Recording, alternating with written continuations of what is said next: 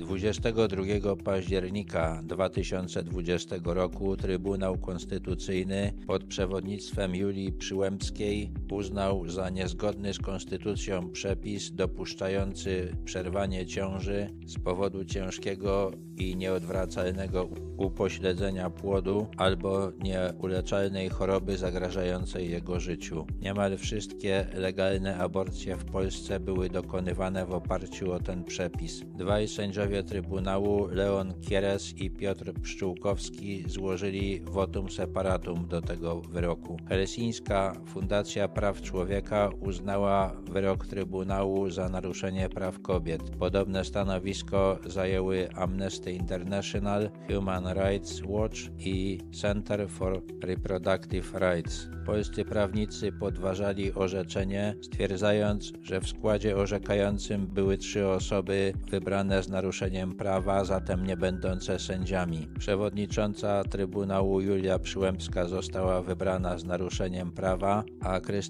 Pawłowicz była jednym z autorów wniosku o zbadanie prawa o aborcji z konstytucją, zatem orzekała we własnej sprawie. Przeciwko wyrokowi Trybunału protestowało szereg partii politycznych, w tym Platforma Obywatelska, Sojusz Lewicy Demokratycznej, Polskie Stronnictwo Ludowe, Lewica Razem i Komunistyczna Partia Polski. Wyrok poparły natychmiast partia Korwin i Konfederacja. Wyrok Trybunału zapoczątkował największą falę demonstracji w dziejach III Rzeczpospolitej. Ich kulminacja nastąpiła 28 października, kiedy według danych policji w 410 demonstracjach wzięło udział 430 tysięcy osób. Zgodnie z prawem wyrok Trybunału Konstytucyjnego jest ostateczny i podlega niezwłocznemu opublikowaniu i od tego momentu obowiązuje. Ten został opublikowany 27 stycznia 2021